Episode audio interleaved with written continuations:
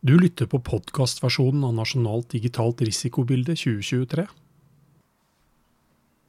Cyberdomenet. Slik brukes det mot demokratiske valg. Demokratiske valg gjennomføres i Norge annethvert år, og handler om hvem som skal styre landet nasjonalt og lokalt i en kommende fireårsperiode. For stater, som påvirker særskilt av norsk politikk i ulike spørsmål, fremstår valgpåvirkning som en unik mulighet til å kunne forme de neste fire års norske beslutninger i ønsket retning. En annen motivasjon for å påvirke nasjonale eller lokale valg kan være å undergrave tilliten og legitimiteten til selve demokratiet. Russlands og Kinas hacking av Stortinget i henholdsvis 2020 og 2021 synliggjorde at demokratiske institusjoner og norske folkevalgte er mål for autoritære stormakters etterretningstjenester. At digitale sårbarheter og ny teknologi utnyttes og misbrukes av trusselaktører for å undergrave demokratiske prosesser, har en lang rekke land erfart i de senere år.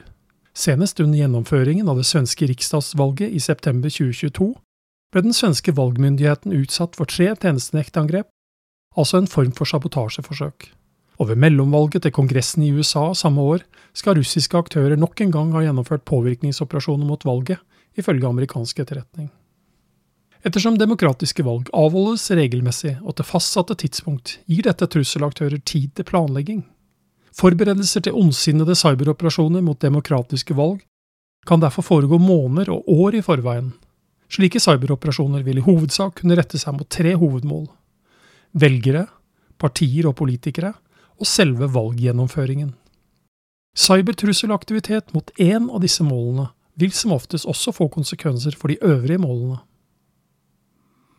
Velgere kan påvirkes av falsk, manipulert eller ikke-kontrollerbar informasjon som produseres av en trusselaktør.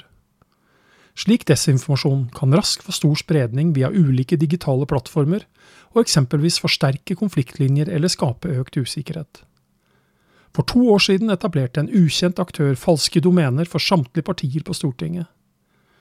Slike falske nettsider eller e-poster som etterligner reelle partiers profiler, kan benyttes til å innhente påloggingsinformasjon så vel som til å spre både desinformasjon og ondsinnet skadevare. Gjennom såkalt deepfake, tekst, lyd eller bilde kan en trusselaktør gi inntrykk av at en person har sagt eller gjort ting denne personen aldri har sagt eller gjort. Partier og kandidater og deres administrative medhjelpere vil kunne utsettes for ulike typer ondsinnede cyberoperasjoner.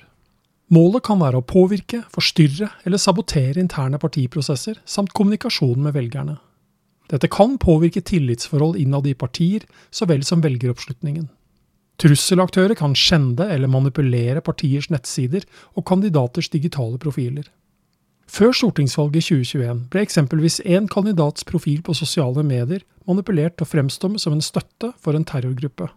Dette er én type misbruk som NSM håndterer gjennom sin beredskapsordning for sosiale medier. Politikeres e-poster kan bli kompromittert i den hensikt å grave fram opplysninger som kan misbrukes. Publisering av slik hack and leak-informasjon, som kan være en blanding av ekte og manipulert innhold, kan påvirke valgprosesser. Typiske eksempler er hackingen av Det demokratiske partiet i USA i 2016 og Emmanuel Macrons valgkampanje i Frankrike i 2017.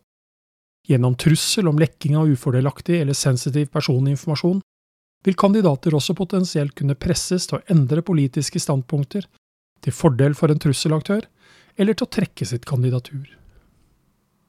Valggjennomføringer kan bli forsøkt sabotert ved at den digitale valginfrastrukturen utsettes for løsepengeangrep eller tjenestenektangrep, slik Sverige opplevde i 2022. Trusselaktører kan også utnytte sårbarheter og skadevare for å manipulere digital valginfrastruktur, eller leverandører til slik infrastruktur, hvilket kan skape usikkerhet om valgets legitimitet. I oktober 2022 avdekket den britiske valgkommisjonen mistenkelig aktivitet i sine datasystemer. Det viste seg at hackere hadde infiltrert disse systemene første gang allerede i august 2021. Trusselaktører hadde under angrepet tilgang til valgkommisjonens kontrollsystemer, e-postsystemer og kopier av velgerregistre. I forkant av stortingsvalget 2021 måtte en kommunal PC som var planlagt benyttet i valggjennomføringen, byttes ut etter å ha blitt infisert med ondsinnet skadevare. Hendelsen i Storbritannia, Norge og andre land synliggjør at digital valginfrastruktur er mål for ondsinnet aktivitet. Det er derfor avgjørende for demokratiet å beskytte slik infrastruktur.